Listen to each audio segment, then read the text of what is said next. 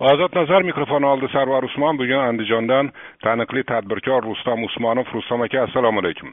Va alaykum assalom. Rustam aka yerni bilasiz pulni bilasiz va shuning uchun sizdan bugungi suhbat davomida bir gektar unumdor yerdan bir yilda necha pullik hosil olish mumkin deb ham so'rayman. Faqat keyinroq. Hozir boshqa bir masala E, majburiy ijro byurosi masalasi. Xabaringiz bo'lsa kerak o'n sakkizinchi iyunda prezident farmon imzoladi va o'sha farmonga binoan endi o'sha mibga olib berilgan vakolatlar eski egalariga qaytarilyapti. Ya'ni bundan keyin elektr tarmoqlari iste'molchilardan qarzini o'zlari undiradi. Gazchilar ham iste'molchilardan o'zlari undiradi. Bir ikki yil oldin o'sha mib qandaydir bir monstr tashkilot bo'lib tuzilgan edi endi yana qaytaryapti. Qanday baholaysiz shu e, qadamni? Endi hayot shundayki ba'zi ishlarda haligi o'zimizni o'zimiz zo'rlab ya'ni o'zimizni o'zimiz haligi ichki kuch bilan bir ishni qilishga harakat qilamiz. Shunday ishlar borki u tabiiy holatda ro'y berishi kerak. Ana shu tabiiy holatda ro'y beradigan ishlar ko'proq e, foyda keltiradi. Zo'ravonlik bilan qilingan ishlardan naf kam bo'ladi. Nefti tuzilishi ana shu zo'ravonlikka asoslangan edi chunki prokuratura qonun ustuvorligini ta'minlaydigan tashkilot. Ana shu qonun ustuvorligini ta'minlaydigan tashkilotda mib tuzildi. A mib ko'proq qonun buzilishiga sababchi bo'lib qoldi. Nima uchun degan savol tug'iladi. Xo'sh. Gap shundaki masalan men sizga xizmat ko'rsatsam siz bilan meni o'rtamizda munosabat paydo bo'ldi. Bu iqtisodiy munosabat. Meni xizmatimga yarasha pulni siz to'lashingiz kerak. Endi kechiring men sizga xizmat ko'rsatsamda bir sifatli sifatsiz va hokazo hokazo holatda. И keyin haligi prokuraturaga aytsam menga pulni undirib bering palonchidan desam. Prokuratura meni sifatsiz xizmat ko'rsatgani hisobga olmaydi prokuratura qonun nuqtai nazaridan sizni majburan pulingizni olib qo'yadi. Ana bu bizni iqtisodiyotimizni asosini poydevorini tashkil qiladigan narsani buzgan edi. Juda ko'p tashkilotlar ana shu holatda qiyinchiliklarga uchradi. Bundan men o'zim ham ko'p marta haligi qiyinchilikka duch keldim. Mib orqali bo'ladigan hisob kitobda ular hech narsani tan olmayapti. Tamom vassalom biz shu pulni undiramiz tamom. Holbuki o'sha pulni yarmini men ishlatganman. Yarmi ishlamagan noto'g'ri berilgan. Uni isbotlab bergunimcha qancha vaqt o'tib ketadi? Ana shu nuqtai nazardan mitni tugatilishini men bugungi kunda normal hayotga ya'ni normalligi normalligi nimaligini normalligi nimaligini tushuntirarsiz. Oldin keling o'sha mib shaklida tuzilishida ham qandaydir mantiq bo'lgan. Shu tuzilmani taklif qilganlarni mantiqi bo'lgan. O'sha mantiqni tushunishga harakat qilaylikchi. Nima uchun bunday markazlashtirilgan pul undiruvchi kollektor tashkilot tuzilgan edi? Hayot shunday har bir iste'molchi va unga xizmat ko'rsatuvchi yo tovar yetkazuvchi bu ikkita yuridik shaxs bo'ladimi yo jismoniy shaxs bo'ladimi? Ikki o'rtadagi munosabat. Ana shu nuqtai nazardan oladigan bo'lsa men sizga xizmat ko'rsatdimmi? Men sizga xizmat ko'rsatgan olishim kerak bo'ldi. Lekin shunday bo'ladiki men davlat tashkilotiman men o'sha davlat tashkilotida ishlayotgan xizmatchiman. Men nima qilaman? Davlat manfaatini o'ylamayman. Men sizga kelamanda keling deyman mana sizni davlatdan shuncha qarzingiz bor deyman besh million qarzingiz bor deyman menga ikki yarim million bering deyman men besh million qarzingizni yopib yuboraman deyman. Siz menga jon deb berasiz chunki ikki barobar kamni to'layapsiz. Buni men ham manfaatdorman kim yutkazyapti bu davlat tashkiloti yutkazyapti chunki ular shunaqa narsalarda juda ko'p yo'l qo'yishadi. Uni yashiradigan joyi yo'q. Shuning uchun butun dunyoda davlat tashkilotini yo'q qilishgan. Iqtisodiyotda davlat tashkiloti bo'lishi mumkin emas. Davlat tashkiloti bo'ldimi iqtisodiyotni unda albatta korrupsiya bo'ladi. Unda albatta pulni o'zlashtirish bo'ladi. Yo'q endi siz masalani boshqa jihatini aytyapsiz. Men men bilmoqchi bo'lganim o'sha mibga elektr uchun gaz uchun pulni undirish vakolatini o'sha elektr tarmoqlaridan gaz ta'minotidan mibga olib berishdan mantiq nima edi? Deb shu mantiqni tushunishga harakat qilyapmanda ana shu mantiqni hozirgi aytgan joyimdan izlang. Ya'ni o'sha gaz idorasi bo'ladimi elektr idorasi bo'ladimi? Bular o'sha shaxslar o'rtasidagi munosabatdan kelib chiqib juda ko'p tashkilotlarni qarzdor qilib ko'rsatishgan.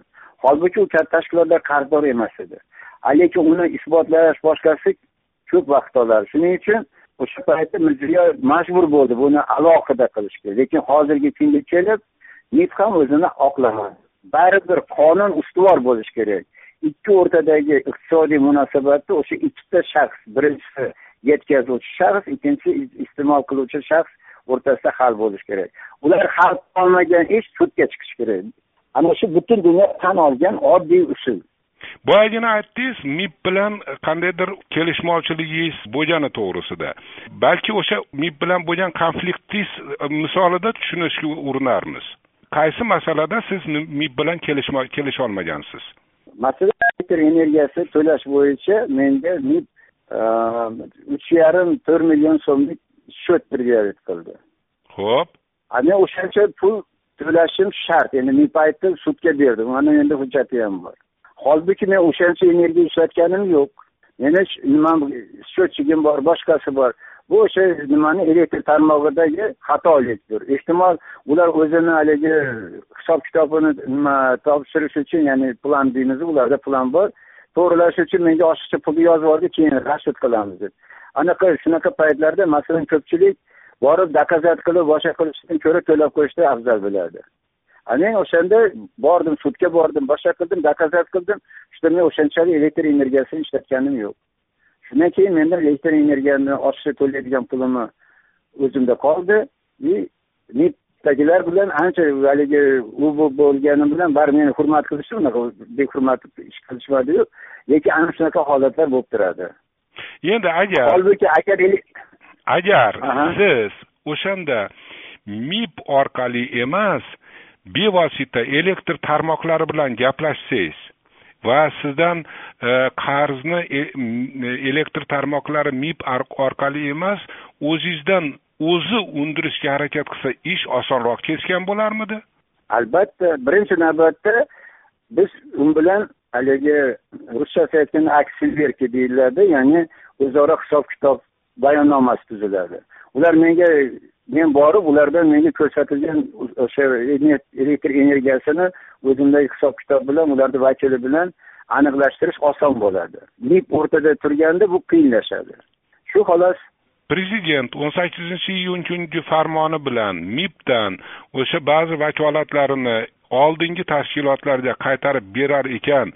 Prezident o'sha qilgan xatosini tushunganimi bu yoki yoki boshqa narsani o'ylashyaptimi yana? Yo'q bu yerda prezident xato qildi deyish noto'g'ri bo'ladi. Chunki prezident bu narsalardan uzoq. Prezidentga bu narsani har bir tashkilotni o'zini nima deymiz haligi nima tarafdor bo'ladida ya'ni yuqoriga o'sha tashkilot himoya qiladigan shaxslar bo'ladi. Ular o'sha shaxslar orqali prezidentga o'sha narsani kiritib u odamni ishontirishdi va prezident o'shalarni aytgan nimani farmonni e, loyihasiga qo'l qo'yib uni qonun qildi. Hozirgi holatda ham xuddi o'sha shaxslar prezidentga kelib bu holatni tushuntirdi.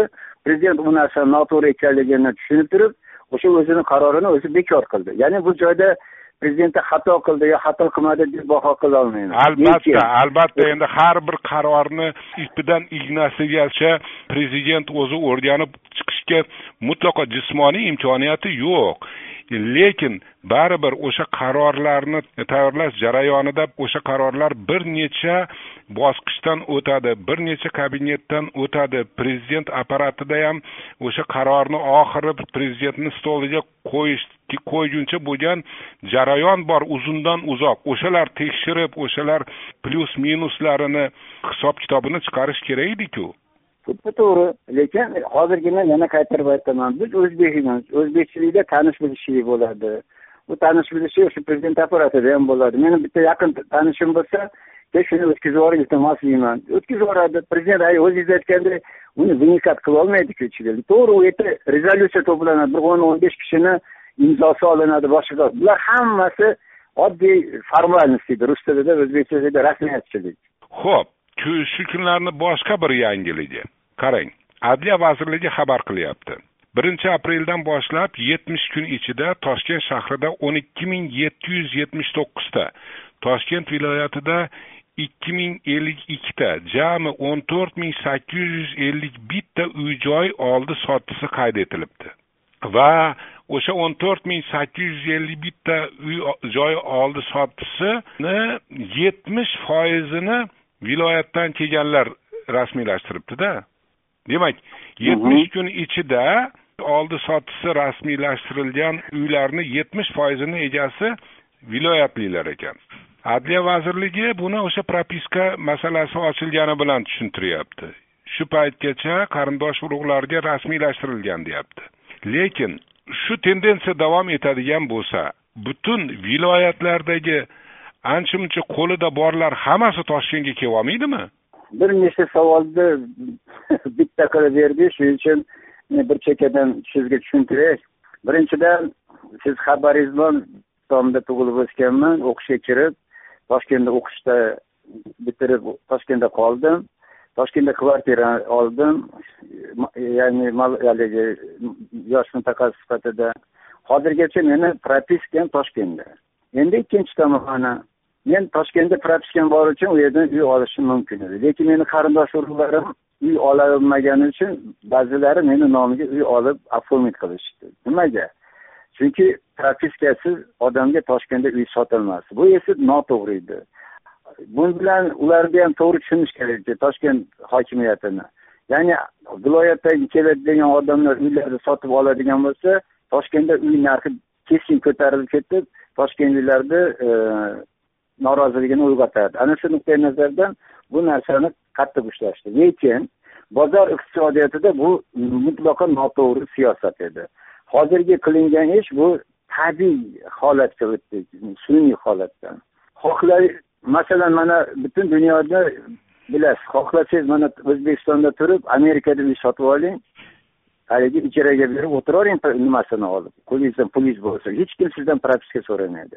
A bizda shu propiska bilan odamlarni e, huquqini cheklayotgandi ho'p hozirgi aytgan nimangiz bo'yicha yetmish foiz yetmish yillik ichida sotilgan uylarni yetmish foizini viloyatda yashaydiganlar sotib oldi deyapti. Ya endi buni buni adliya vazirligi aytyapti. Bu o'sha yetmish kun ichida sotilganlarni yetmish foizi viloyatliklarga tegar ekan. O'sha yetmish kun ichida ular yangi sotib oldi deyilayotgani yo'q albatta. Endi oldin sotib olingan lekin rasmiylashtirib olishdi. Shu e, paydo bo'lgan imkoniyatdan foydalanib. Endi propiska masalasida men ham fikringizga qo'shilaman bu eskilik sarqiti o'sha sovet sarqiti lekin baribir viloyatlar ham rivojlanishi kerak emasmi degan masalani so'ramoqchimanda sizdan viloyatlar rivojlansa o'sha toshkent viloyatdan keladiganlar uchun jozibasini yo'qotardi va o'sha puli bor odamlar ish qilishi mumkin bo'lgan odamlar o'sha toshkentga intilmasdan o'sha o'zini viloyatda qolardi E, degan fikrga munosabatingizni bilmoqchimanda. Yana qaytarib o'z hayotimdan olay. Bu savolga javobni haqiqatda toshkentda qolib ishlashni xohlovchilar ko'p. Chunki toshkentda o'sish imkoniyati bor. E, ilmingizga ilm qo'shish imkoniyati bor. Viloyatlarda esa bu narsalar sal kamroq. Viloyatda o'sish ham ma'lum bir darajagacha borasiz shundan keyin qotib qolasiz. Haligi kengaytirish imkoniyatlari kamligi uchun har qanday ota ona bolasini poytaxtda yashashini poytaxtda ishlashini xohlaydi. Shu ko'chib borayotgan odamlar haligi e, nima deydi yetuk mutaxassis bo'lib bola chaqali bo'lib katta oilali odamlar bormayapti.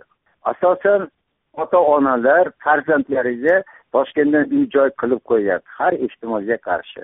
Ular u yerda yashashlari ham mumkin yashamasa uni ijaraga berib daromad olishlari ham mumkin. Chunki toshkentda ijara haqi juda yuqori o'zini oqlaydi o'sha sotib olingan uy o'n yilda to'liq o'zini pulini qaytarib beradi ijara haqi orqali.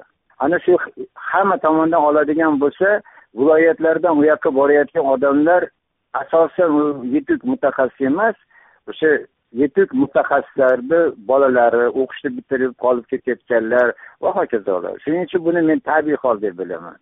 Tabiiy hol markazning rivojlanishi.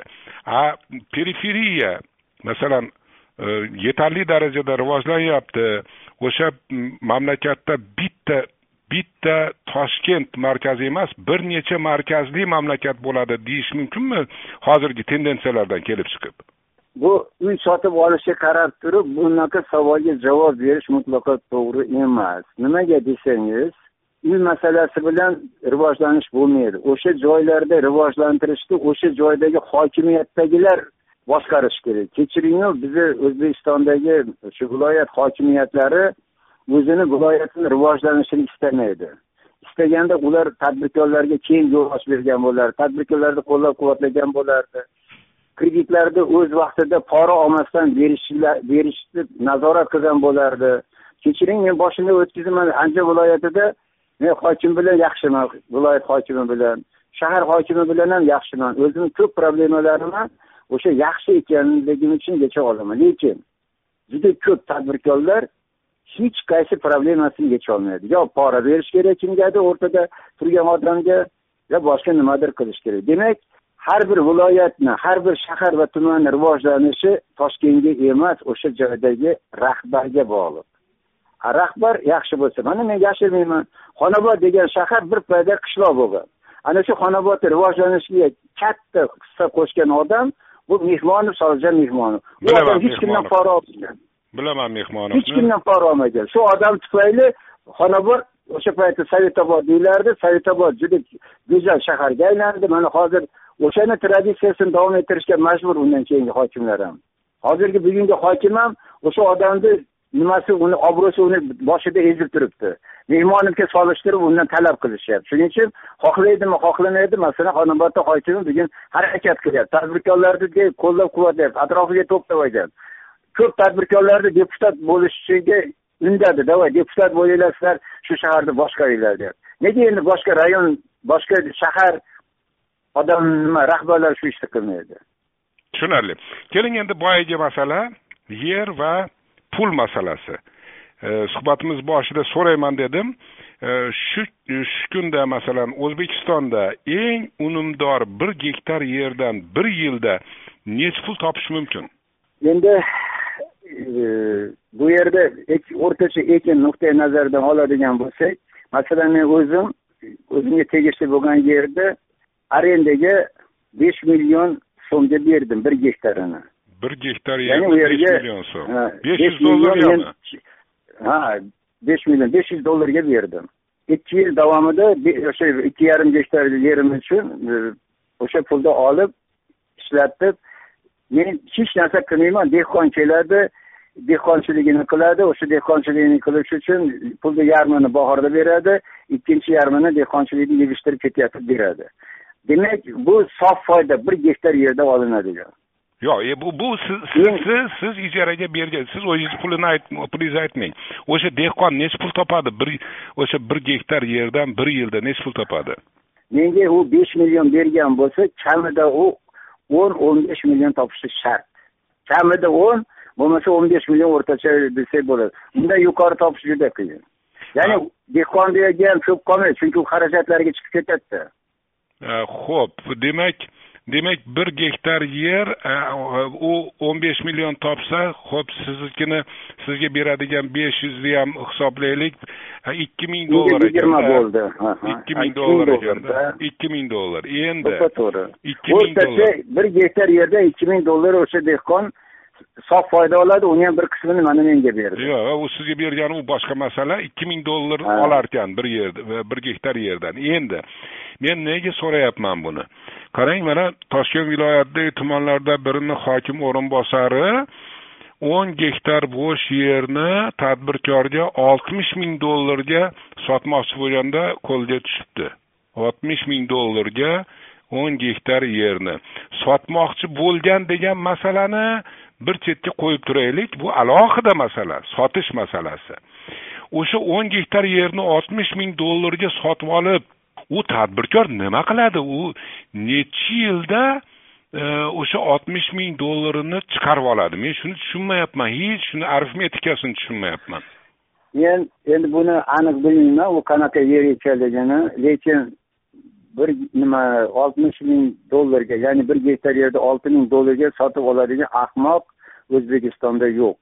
Agar u yer uchastka sifatida sotiladigan bo'lsa mumkin. O'n gektar yerni men qarangda o'zi o'zi yer sotilmaydi to'g'rimi? O'zbekistonda xususiy mulk emas. Men men shuni hech shu xabarni tushunmayapman. Buni axborot yigirma to'rt dasturi berdi. O'zbekiston yigirma to'rt telekanali berdi buni amaliyotni davlat xavfsizlik xizmati o'tkazibdi shuni arifmetikasini tushunmayapman o'sha syujetda aytilishicha avvalroq deyilyapti hokim o'rinbosari bilan jinoiy aloqada bo'lgan shaxs ham bir gektar unumdor yer maydonini yuz ming dollarga sotayotganda qo'lga tushgan deyapti yuz mingga bir gektarni sotib olgan odam u yerdan kamida bir yuz yigirma ming E, dollarlik mahsulot olish kerakda.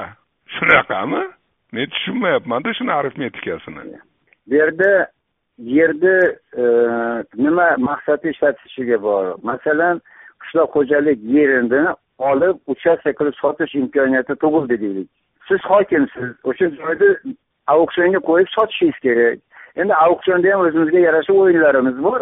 Men o'sha joyni sotib olaman auksion orqali u hokim bilan ham kelishib olaman bu menimcha shunaqa bir sharoit bo'lishi mumkin. Lekin hayotda agar oladigan bo'lsak masalan bizni xonobotimizda qoradaryoni o'zarini ichida toshli yerdagi uchastka ya'ni hukumat tomonidan bepul beriladi. Lekin aholi bir biriga shu yerni sotganda hozirgi kunda bir sotikiga besh yuz dollar beradi. Lekin yer yaxshiroq bo'lsa bir sotik quruq yerni o'zi ming dollar.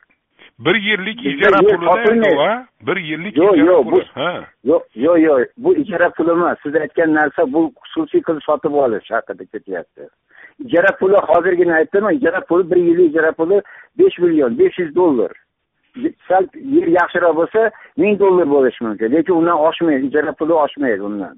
U u yerni sotib olish boshqa. U xususiy qilib ming dollarga sotib olar ekan u e, shunchaki ikki shaxsni o'rtasidagi shartnomami yoki kadastr hujjatlari qilinadimi unga?